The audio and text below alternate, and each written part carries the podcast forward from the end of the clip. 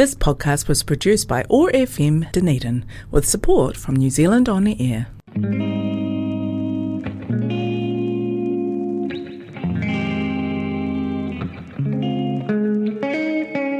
Have you ever been in a position where you don't feel heard?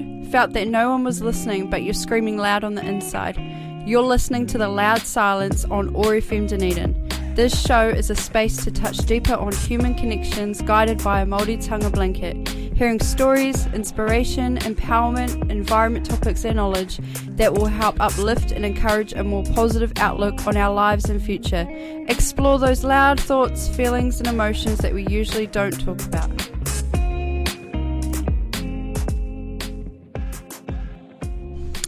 Nau mai hoki mai ki tēnei kaupapa the loud silence. Welcome back everybody to another Monday with me. and me. oh yeah. Oh oh yeah. We better introduce that. Yes. Uh-huh. Yeah, hi, it's me again, Tianhira. Sup. Sup. Welcome back to the studio, Tiana. So uh for those who have not know, uh, who do, don't, so people that don't know who she is, Tiana, take it away. Um, so I'm Missy's little sister. I came in last week, and what we were talking about is Te Tiriti o Waitangi, the Treaty of Waitangi. So, yeah, that's me. True. True. Okay, so Tiana Hira um, is my little sister, and she's come back in today to um, continue the kōrero about Te Tiriti o Waitangi. Mm. And um, if you're listening last week, you'll know that we just covered some of the Declaration of Independence, uh, Te uh, Aotearoa me uh, Te Tiriti o Waitangi. So now we're going to cover, Tiana Hida has sorted it all out for us because I'm lazy as, haven't really organised myself today. So Tiana, what are we doing today? Yeah, so today we're just going to talk a bit more about um, what we talked about last week. So for those that weren't tuned in last week, what we talked about is um, the Declaration of Independence for Aotearoa, and we also talked about what um, led up into getting the Treaty of Waitangi signed. So, um, yeah. Awkward Missy's recording. um, yeah, so the- yeah, what we're doing today is we're going to be talking about um, just a little bit more about um, what happened before the Treaty of Waitangi was signed, and also a bit about what was going on around the time that it was signed. So, um, what we talked about last week was the relationship between Maori and um, early Europeans. So, um, what we talked about is how they had. Um, a pretty good relationship. So when they first, when Europeans first arrived here, um, Maori people and um, European people um, got along fairly quickly um, compared to other um, stories of Europeans. Um, Going to different countries, so um, Maori and Europeans got along quite good. Um, they uh, did a lot of trades within each other, so they Breathe really loud. they the traded fish. Um, they traded harakeke flax, so they would make um, the they would yeah strip the harakeke um, of its fibers, so they'd get um, muka from um, these harakeke, and then they would make rope out of that muka, and they would trade English settlers. Um, those things for different things like blankets and nails and um, uh, other different kinds of crops that um, Europeans brought here from their countries. So their relationship was fairly good. Um, what was happening back then, um, the reason why they wanted a declaration of independence is just because when um, Europeans were coming over, uh, they got a bit excited that there were no laws here. So, um, yeah, pretty understandable. I'd probably go crazy too, but um, yeah, but some were going way over the top. So there was um, murders happening. Um, uh, other really terrible things that were happening to um, not just Māori people but other Europeans around here. So there was um, French, Americans, British, um, those kinds of people were coming over. So um, yeah, they. Uh, yeah, so they kind of got worried about all of that happening, and um, they wrote to uh, King George at the time. I think King George was ruling, um, and anyways, they um, asked him if they could get like a representative for um, their law system or whatever it's called. And so they sent James Busby. So James Busby was a representative for um, the European settlers, and what his job was is to basically bring order. Um, to the European settlers, you know, if any of them broke the law, that he would serve justice, um, things like that. So, that's what his job was, but it proved to be largely ineffective in dealing with criminal offending. His request to Britain for assistance in the form of was in the form of troops and warships to um, control Europeans, basically. And some Maori groups became open to the idea of having a British governor for um, the Pākehā people. So, um, what they did then is that Māori had Māori had an idea of how they wanted that to look like. So um, it says in one of these books that what they did was in the Māori political order, rangatira were responsible to and for their own hapu.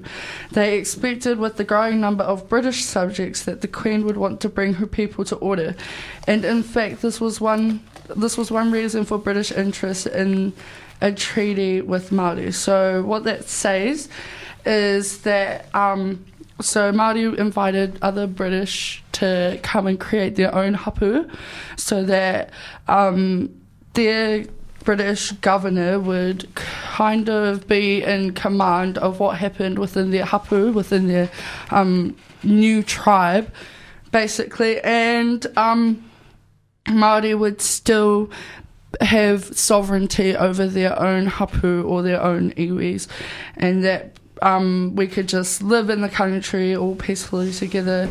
Um, you know, we liked that we could trade with each other. Um, and taking photos. yeah, we liked that we could trade with each other, and um, the relationship between Maori and European was just overall really, really good. So, um, Maori were looking for a way to um, what's the word? They were looking for a way to move forward with Union. the country's future.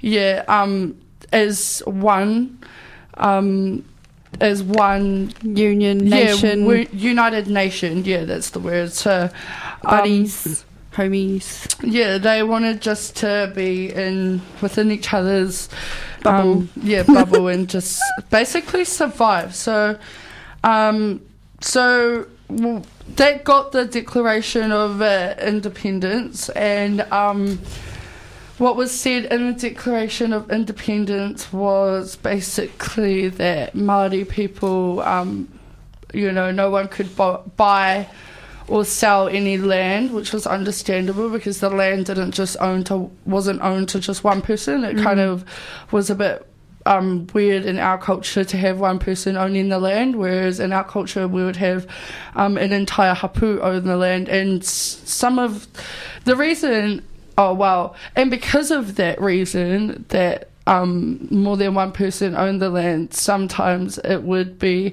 recognised as um, public land because um, in European culture, you know, someone owns the land, someone's got a name written down on that document.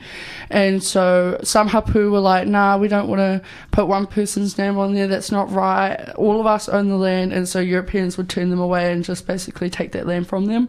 And um, that happened in many cases around Aotearoa, which is quite sad, but I think some of them have been starting to get recognised and things are starting to get um, put back to uh, the right way, which is a good thing.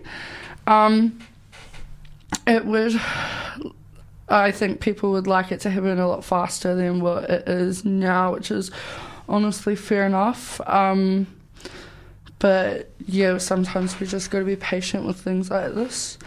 Um, after the Treaty of Waitangi, so the Declaration of Independence was signed in 1840, and oh no, the Declaration of Independence was signed um, in 1839 or 1835, around there. So about five years before the Treaty of Waitangi was signed, and um, yeah. So what it said in there is one, we can't really sell or exchange land. Um, Number two is that we had our own sovereignty and that we could, um, you know, uh, be in control of our own people, serve um, justice and things like that um, to our own people in our own way, the way that we've been doing it for um, the previous 500 years before settlers got here. So um, that was kind of the agreement. There were other agreements that I can't really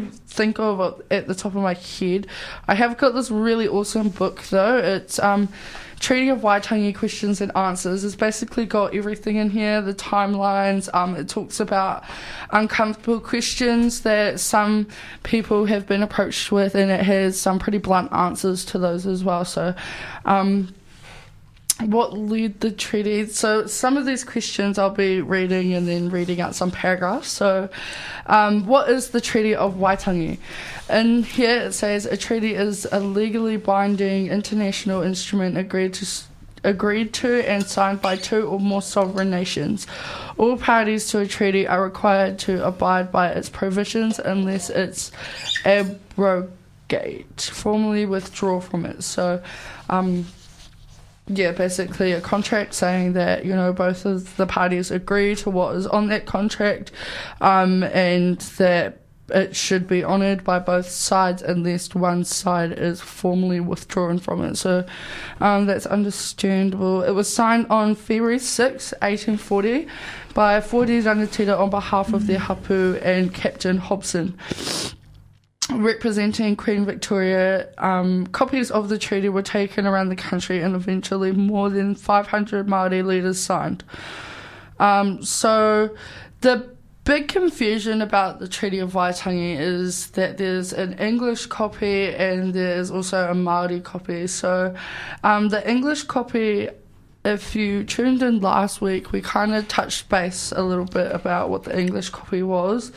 And um, so what we learned in that weekend as well with Suzanne and um, Ingrid. Ingrid, yes, um, we learned that the English copy is actually a draft. It's a copy of the draft um, treaty. So what they did back in 1840 is they created a draft um, Pākehā people created a draft and um, basically were like, okay, so this is what we kind of want to see on the Treaty of Waitangi, and then they showed that to um, to the Confederation, oh, Confederate, the um, the other rangatira that were there, I forgot the name. Oh, Te Whakaminenga, the Confederation of Chiefs. So they showed them, and they kind of disagreed.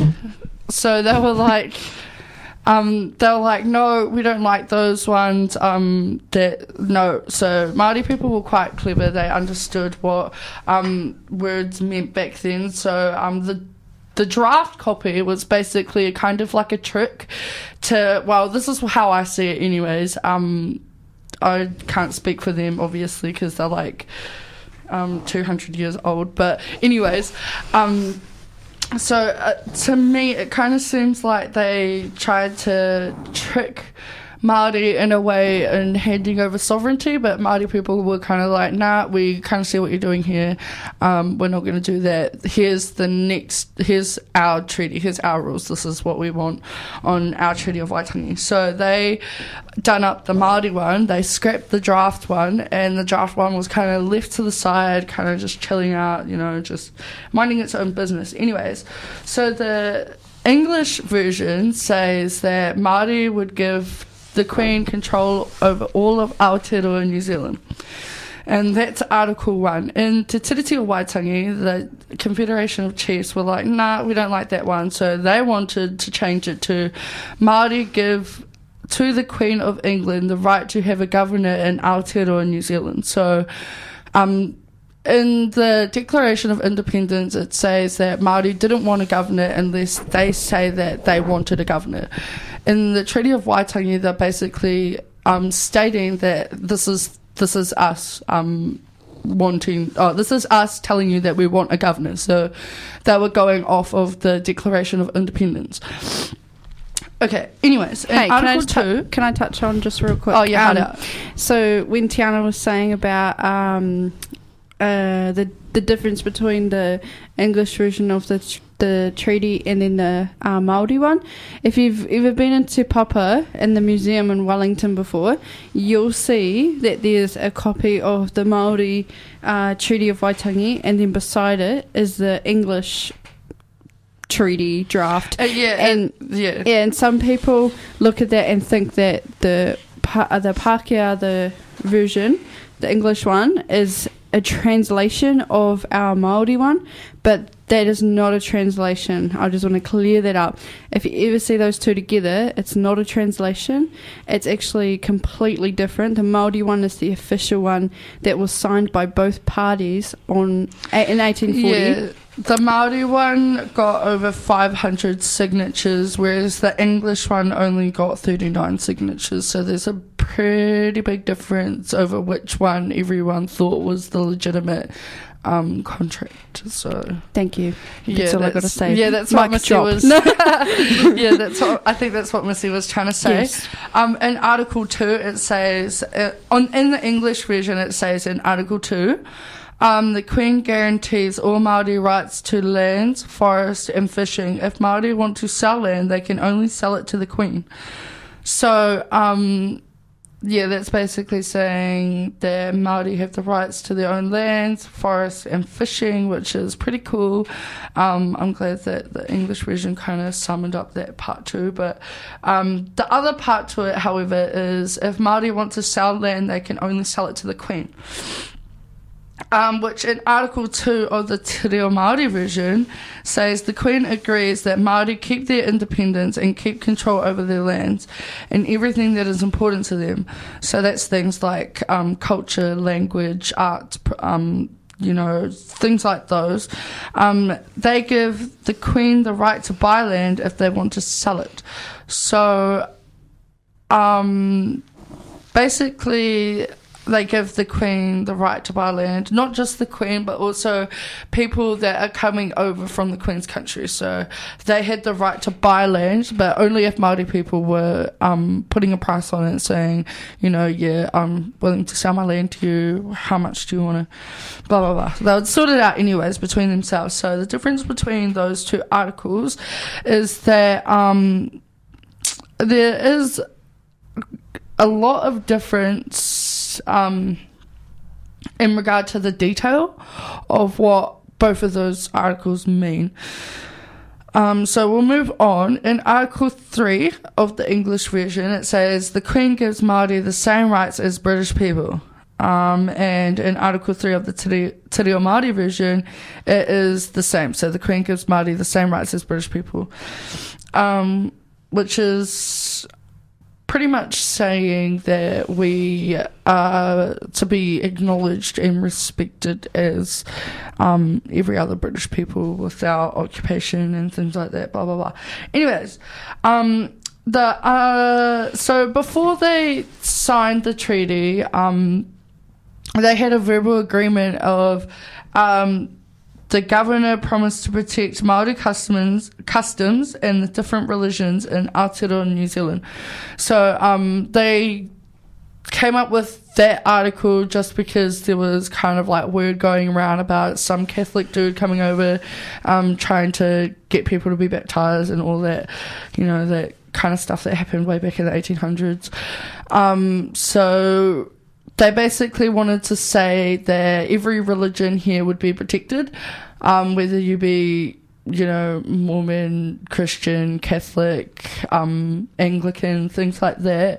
If you were here, um, you wouldn't be defined by your religion like it was back in 18, 1800s, back in like Europe. You know, you'd be um, shunned if you like had a baby out of wedlock or something like that. So, um, and also it kind of says that um, it's kind of meaning that if you want to renounce whatever religion you have, then you had the right to do that, and you wouldn't be judged by that. So um, that was kind of like a a um, I think that that article was way ahead of its time for um, the time period that it was in, um, which is pretty unbelievable, but also believable at the same time. Just thinking of like the different um, things that Māori thought of to do with solving um, a problem is like really really fascinating to me to be honest just because of um, you know how different um, other cultures are with solving problems and um, creating problems and things like that so um, where are we at now? We're at the treaty of waitangi being signed. So it got signed.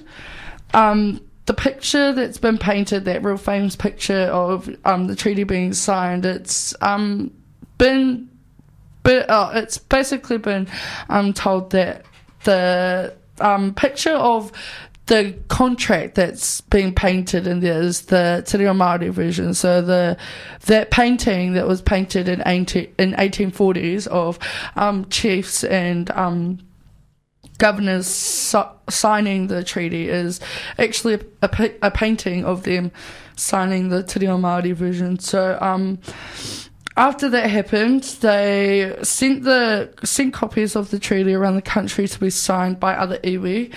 Um, as they were doing this, they um, had a colony of Europeans up in the North Island somewhere, and this was oh, this was um, Captain Hobson's. I think that's where he was staying. So he was staying at a colony, right? And he was like to James Hobbs. Oh, he was like to James. Um, he was like to James Busby, "Yo, James, have you got any spare treaties lying around?" and oh no, no, no, no! It was like someone, some Williams dude, some Williams dude was like to not to James Hobson, but to oh, not to James Busby, but to William Hobson, and um, he goes, um, yo, William, have you got like a spare copy of like, you know, the treaty? I really want to sign it. There's about 40 people down here that want to sign it. Um, I really need a copy ASAP, blah, blah, blah. So William's like only been in the country for like a week, like not even a week, and he knows no Māori at all, which is, you know, understandable. He's been in the country for a week. That's mm. hardly enough time to learn the language. Not enough. Not enough time. So William was like, damn, how do I get a treaty? Um, where's that draft? copy. So he looked for the draft copy and um, for some reason believed that it was the exact same um, translation as the Maori treaty, which is totally wrong because we just went over the English version and the Maori version. And so William Hobson was just like, okay, cool. I'm gonna send you a draft copy. Oh, I'm gonna send you a copy, get it signed, and then get it sent. So um, yeah, he got it signed. Oh, he sent it. He sent it, and then they signed it, and then they. I think they sent it from Europe from there. I'm not too sure, but um, yeah, William was basically said on the top of the draft as well that this is a um this is the exact translation of the Treaty of Waitangi, something like that. Mm-hmm.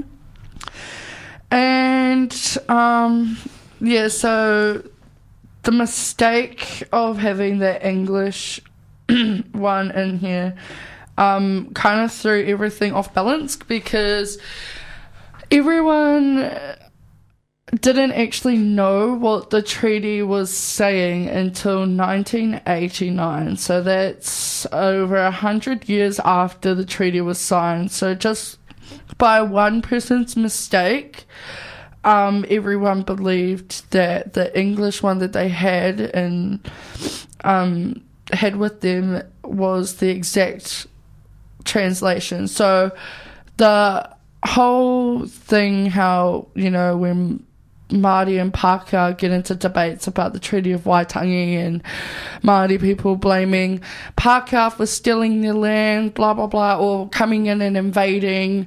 Um, Pākehā didn't invade New Zealand. They didn't invade Aotearoa. Um, they were our friends. you know, they were our friends at first. Um, we we all got along. Yeah, no, like we all had um, a good relationship between each other, and it wasn't until William, William. William, bloody William ratbag, came into the country. And and you know, kind of uh, stuffed it up for everyone because what was happening is that um, so Pākehā that were living in New Zealand at the time, they thought that the, they understood what the Te Reo Māori version meant. They understood what it meant, and they agreed with it. They were like, you know, this is a good All thing for us. Yeah, like um, Pākehā get their own hapu, Māori get their own hapu. Everyone kind of looks after their own peoples, and if any troubles happen, then they'd all gather around and they'd all meet. You know, like they thought it was pretty sorted. They really believed that um, the treaty was going to be honoured. And when um, they sent it over, everybody was in good hopes that the treaty was going to be, um, that the laws of New Zealand were going to be the laws of the treaty, basically. And um, yeah, so everyone was pretty stoked about that until that English copy got back. And um, the Queen was kind of like, she agreed that the Declaration of Independence still stands, so the treaty doesn't overrule the Declaration of Independence. So technically, the tribes that signed the Declaration of Independence but didn't sign the Treaty of Waitangi, um, they're technically their own state or their own country. Well, Sure. They should be anyways if the treaty is, was still being honoured today. And they actually you know some tribes actually purposely didn't sign the treaty of waitangi because they were like um, the only difference is that we can sell land if we want to and we don't want to sell land. So we're not going to sign the treaty of waitangi. We still want to be recognised as our independent state. And in our state we're not allowed to sign land. So basically um, they decided but the queen queen victoria she um still she wrote down on the Treaty of Waitangi that she still recognises the Declaration of Independence being legitimate. So um, that means that the Treaty of Waitangi doesn't overrule what the Declaration of Independence says. It actually kind of makes it so that the Declaration of Independence and the Treaty of Waitangi are one contract. Kia ora. That's basically what it is saying, and that is legitimately what it's supposed to be honoured Kia to up to today. And to add to the kōrero is thinking about the future. I believe that um, partnership is probably not the right term to use between Tauiwi and uh, Maori. It'd probably be relationship because relationship comes with that respect. That um, like when you're in a relationship, uh, meaning like a friendship, you know, any sort of ship. relevant because they came over in a ship but anyway um, well, any anytime you're inside a sh- relationship you actually automatically go into a, a mode of respect um, yeah, and meeting each other halfway as well, Yeah. not just you know, companionship all giving sort of or taking or receiving, and And I also believe that we have movers and shakers within this generation coming up as well, because we have, like, I, I, when me and Tiana were on this um, wānanga, there was some uni students there who were tau iwi, like Pākehā, and they Yeah, wanted to do so so, much to honour the treaty, really, and to, to do things so then, um, like, things were being brought to light and people knew the truth and and moving forward as a relationship together with Tau Iwi and Māori. And I was like that's so beautiful like to hear that from non-Māori wanting to make a change you know in a positive direction yeah, from shining light on what happened and then in our country. And I was like that's so cool. So looking ahead into the future I think that we can really we're going to definitely have I even see it now with our um, non-Maori they just want to step up and help and do more so I think that we're going to really move into a really really strong beautiful country um, because everything's changing and everything's being accounted for now and it's it's a gorgeous thing like I Mm. think back when I was younger, I I didn't really feel confident at all to like even say I was Maori, even pronounce my last name. Like Yeah. even now to the to probably this year has been the year where I don't need to spell out my last name. Honestly, that's the same with me. Like, I've got a really long name, Te Anahita, and um, growing up, I would just tell people, you know, um, if they would ask what my name was, I'd just be like, it's Te Anahita, but you can call me T for short. Like, that would just be an automatic response. And um, at the start of this year, around Matariki, because um, um, to Matariki is the new year, um, my New Year's resolution was to stop telling people to call me T because um, TE means the in Māori and my name isn't really the.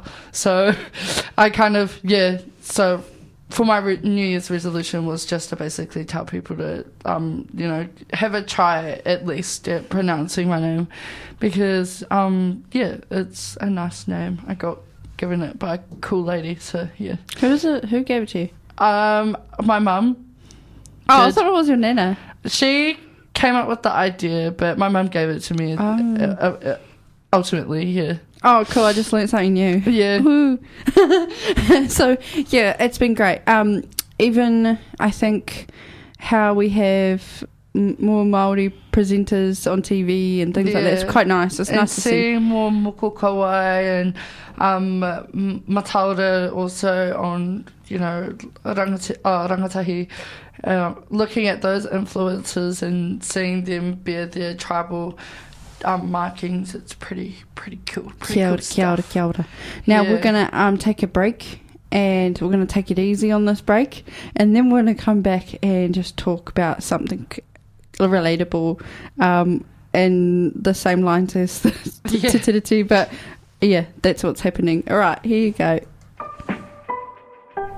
Oh, wrong one.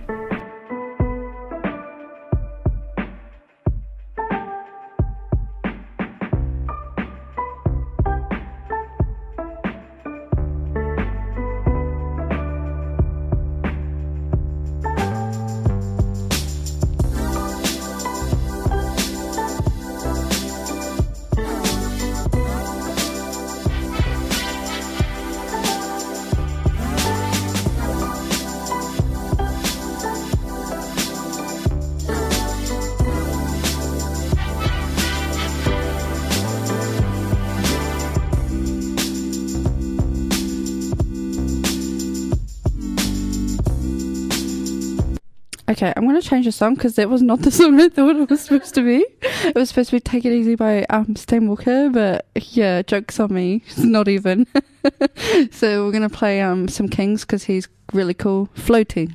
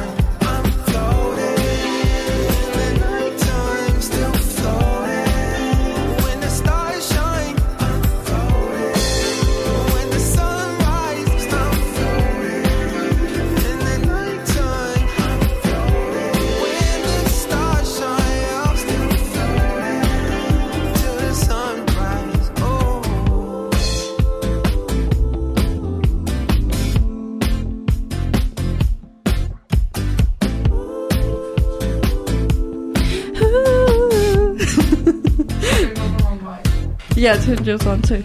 Oh, oh, awkward, wrong one. there you go. Wait, no, there you go. there you go. I put on the mic beside me, but not Tiana, so it's funny. Yes. Okay, we're going to get back into the kōrero of Te Tiriti o Waitangi. And, um, yeah, Tiana is going to take it away. Um, actually, there was a few questions that um, some people wanted to know. And, Tiana, do you know the answer to this is um, which tribes... Um, which tribes so, um, got settlements from the government out of the treaty? Um. So at the moment, I know that um, I only know a couple because I'm Tahu? linked to those tribes. So obviously, Ngāi Tahu, um, they were the first to get their settlement. Um, what they settled for was less than two percent of what was taken from them. So um, I know that their settlement was pretty pretty low. I think it was like 19 mil or something like that. And um, yeah, they've invested that and they've accumulated over time, which is really good and um, really awesome. And also, actually, because of um, the investment that iwi have made over the years with their settlements, it's actually um, saved New Zealand a couple times from going into um, depressions or, um, you know, like after the war, how they went into the Great Depression or something like that. So, um, another iwi I know that got a settlement was the, um, they actually got the biggest settlement and it was Tainui. I think they got in the hundred millions. I don't actually know. I um don't fact check me. You'll probably have to um do some research into that. Uh Ngāti Whātua, they got a settlement as well. Um I know that Ngāpuhi, I'm pretty sure that they got offered a settlement, but it was less than what was taken from them, and they're being pretty um, stubborn. So, which is cool, good on them. They should stand their ground and get the things that they, um, yeah, deserve. Uh, other iwi, I think that um, so when when Ngaitahu were getting their um, establishment or this settlement, um, every like hapu around the South Island basically drowned their drained their accounts. Um, you know, pulling up money, and some people actually put in their personal money to um, get that process moving and get get that um, yeah that the next step um sorted out. So um, there was a really big part with getting Ngaitahu settlement.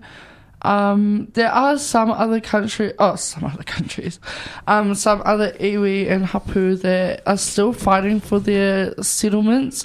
Um, with Ngaitahu settlement and stuff, so they can't ask the government for anything else. They've already basically, you know, claimed everything that the that they were entitled to at the time, which was pretty stupid, but um, you know, nothing's better than something. And they ended up making quite a bit back and they're starting to buy back some of their land too. So um, that's cool with um, the whole settlement situation as well. So Māori people didn't want to um, create another injustice with um, to solve injustice. So um, land that was occupied by families now or like businesses or that were owned personally um, that were originally Māori. Um, Māori didn't want to, you know, want the families that exist now to be f- affected by um, what their families or what other families um, created back then. So um, even if that land belonged to them at that time and a family lived there or a business was on there, they would just be like, yeah, nah, we don't want that back because um, someone's already living there and that wouldn't be fair on them if we just came up out of nowhere and just said that's mine from like ages ago. So what they agreed on is that they agreed that um, they would accept crown, the crown's land. So they would um, get given land that was owned by the crown, um, and things like that. So um, that's basically most of the facts around Te Tiriti o Waitangi. There's a lot more research into what you need to learn more about, but I feel like that should be a personal journey just because of how intense it gets researching these things. So um, it can cause reactions, it can make um, people angry. It's made me quite angry in reading some of the um, information that I've been um, given by in- Ingrid and um, Suzanne. But um, yeah, so I think that uh, if you're wanting to learn more, definitely learn more. Um, don't be afraid to ask people that you might not feel comfortable asking. Um, for for example, if you're tau iwi and you want to ask a Maori, go ahead. Um, it's either going to be a yes or a no, and you know it's it's worth finding out the truth about this than it is just to be you know to be kind of ignorant about it and um just kind of let it let it sit on the side and just continue to be what it is now because Knowledge is power. yeah, knowledge is power, and the Treaty of Waitangi is actually good for our country. It's good for um for not just Maori people but Tauiwi as well. Um, it creates a whole lot more opportunities in regards to living instead of just surviving. So um, that's just some food for thought. Yes. Whanau. I'm going to So, talk yeah. about, well, basically, why should we learn about the treaty in our community?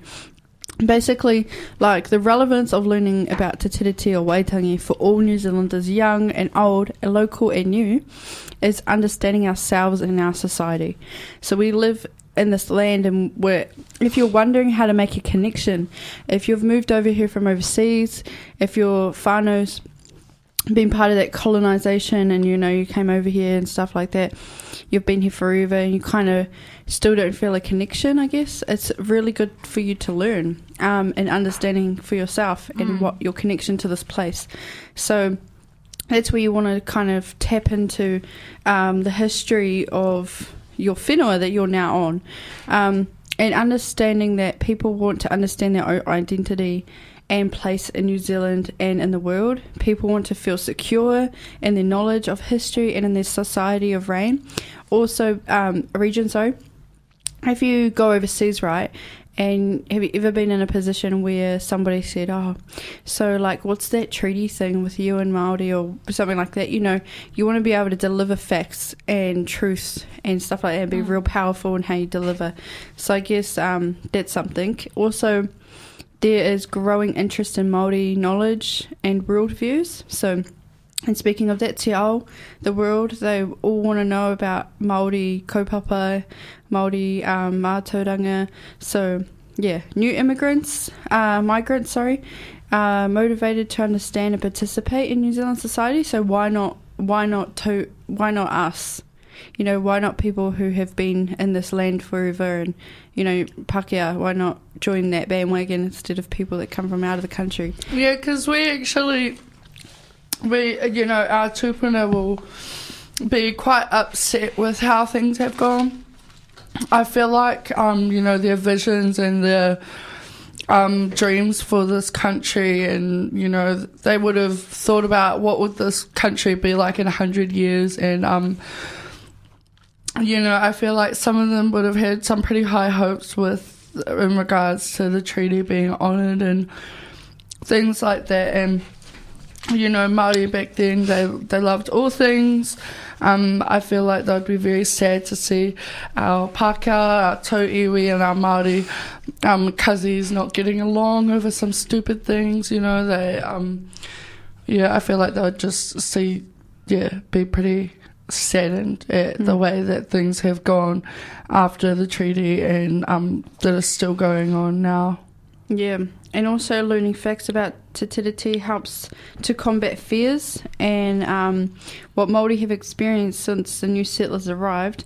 Why New Zealand society is trying to make up for the past injustices. Like, I just made this TikTok actually, and it was talking about Ngai Tahu because people didn't know about things with Ngai Tahu, and it actually um, got a lot of attention, views, and comments. The comments section, people were like, no, you just take all the government money or this and that and that about Ngai Tahu. And I was like, oh my gosh, I just wish that like people Yeah. would educate themselves. So in saying that, it just means that like it, all these things that you hear and you see are just myths or even untrue facts because they do have relevance. Like when you say things about they're taking money from the government, that's a fact and a non-fact. That's, Like, there's- I don't think that's a fact at all because you know the money that um, iwi can tap into nowadays is their account. You know, if they decide to send someone from their iwi to university, it's um, their fund are basically a family trust in a way. So if you're registered with that iwi, say, okay, so for example. Me and Missy were registered for Ngai Tahu, so we're eligible for um, for the trust because the trust is a family trust and we are registered as a part of being a part of that family. So when people say that, um, you know, complain about scholarships and all of that stuff, it's actually coming from our tribe's trust, our family trust. It's not coming from government, it's not coming from taxpayer money, it's actually coming from a bank account that is there to be used by our people to put them forward, more forward into um, into the future. So that's what it's for. Yes, it's just when they said about um, when they were talking about the settlement. That's what they were, they were talking about, and then I had to go and explain about that, and then about what Tiana said, and then um, also so that's so then you get more knowledge of why, like you hear on the news or in the radios and stuff like that about um, tribes and stuff getting receiving um, settlement money or this that and that then you know and you can understand instead of saying what? They're just getting free money. No that's not actually what's happening. Um, but yeah so that's really good. Also whether resources will be taken from individuals, that they are reassured that the Waitangi Tribunal stated that it will not resolve one injustice by creating another. Mm. And So that's basically what I was saying before. yeah, and so then from there we go into building positive relationships in our region. So many will want to have a positive relationship with Maori in their region. Most people know that injustices have happened in their area, but don't know actually what took place. Like for example, here in Ōtepoti, we have the Parihaka Taranaki um, slaves that came down here, and then they were kept inside those those caves and actually built that bridge over by Anderson's Bay, heading over to Portobello, I think it is. Um, people just drive past every day, don't even know about it. They see these caves and like, oh yeah, but some people keep them. Yeah, some people are like, well, there's a door on the cave. That's so cool. Like, you know, but the real truth, the real raw truth as well behind it is, yeah, there's a lot more details and a lot more things that um, people have tried to keep hidden and people have tried to make silent, which is kind of, you know, coming from just thinking about it from a from a different point of view. It's um, you know, understandable that they want to hide those things just because how embarrassing it must be to, you know, actually be a part of that kind of history. Movement. So. Um, that part's understandable, but I feel like, you know, um, bringing light to these situations only prevents these situations from repeating in the future. You know, we talk about the Holocaust at school, we talk about um, the bombings at Pearl Harbor and um, Hiroshima, and, you know, we talk about all of those world things that happened all around the world, but we never really talk into detail about what happened in our own country. And um, they speak about, you know, the reason why we learn these things is so that it doesn't repeat again. But um, we're learning about things that happened in other people's countries. So, um, you know, it's, yeah, getting the real history of Aotearoa Yep. being taught in schools and not just not just waiting for someone to give you that education but being that person to go out and search for it on your own is um just as um brave just as heroic you know? Yeah, and also um, when, when you come into that relationship, it's it's like um, because we have such a connection to the whenua, it's like Māori should always be in charge of leading out on what's good for um, our land, Yeah. what's good for our native plants, what's good for these sort of things, because we have that's like embedded in our history, and so um, I think that like in that sort of sense, that's what should be led out. It's like you know you have this nice relationship, but Maori should definitely be the overseers of like even with um our oceans and our waters. Yeah, well, technically, if the treaty was being honoured, we um, Māori people should be. And you know, like, I know people are probably going to be um, a bit biased because, you know, my sister and I are, are part Māori, and, you know, we're talking about these, like, like you know like Maori should be in charge blah blah blah. But it's it's really not like that. I think if I was from a different culture I would still feel the same way because you know the way that Maori see things and sustainability is like a huge part of our culture. You know we look after everything. We don't take too much. We don't take the things that we want. We take the things that we need. And if we're taking those things you know we're um constantly expressing our gratitude towards it. You know, with our karakia before we harvest something, we um, always we always, always, start with a karakia, or and we always end things with a karakia. And when we harvest, we, sometimes we'd leave gifts, or um, you know, with food and stuff. You Yeah. know, we would return the first thing. You know, everything's just about keeping the planet healthy. and acknowledging because um, this is a real deep corridor to go into, but I'm just going to summarize.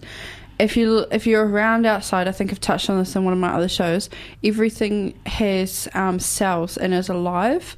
So when you're like putting energy into something outside, like a tree or a leaf or the wall uh, or Tāwhirimātea or tangaroa, it actually um, talks back and speaks back to you and it gives back. So Mm. um, I seen this one I talked about in one of my other shows where this guy he froze water and um, he had a microscope and he zoomed right in like as clo- like more than the eye can see and he wrote on the bottle of water um, I love you and then all of a sudden the pattern were the um, ice on the bottle created this beautiful pattern, like a stunning pattern. And he was like, wow. He rubbed it out the words and then he put, I hate you.